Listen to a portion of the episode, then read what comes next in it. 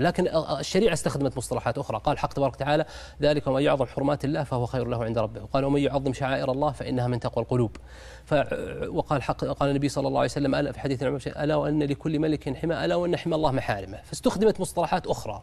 يفترض أن نحيي هذه المصطلحات الشرعية في الحديث عنها لكن لا إشكال في مفهوم طيب يعني مصطلحات خلينا تبي نتفق نكمل على المقدس ولا نستبدل فيه على فكرة في في الأردن في وزارة اسمها وزارة الشؤون الإسلامية والمقدسات الإسلامية يعني هو مصطلح إذا ضارب يعني استورد حتى يعني استوردناه صحيح لكنه أصبح ضاربا ضمن ثقافتنا لا بأس نعم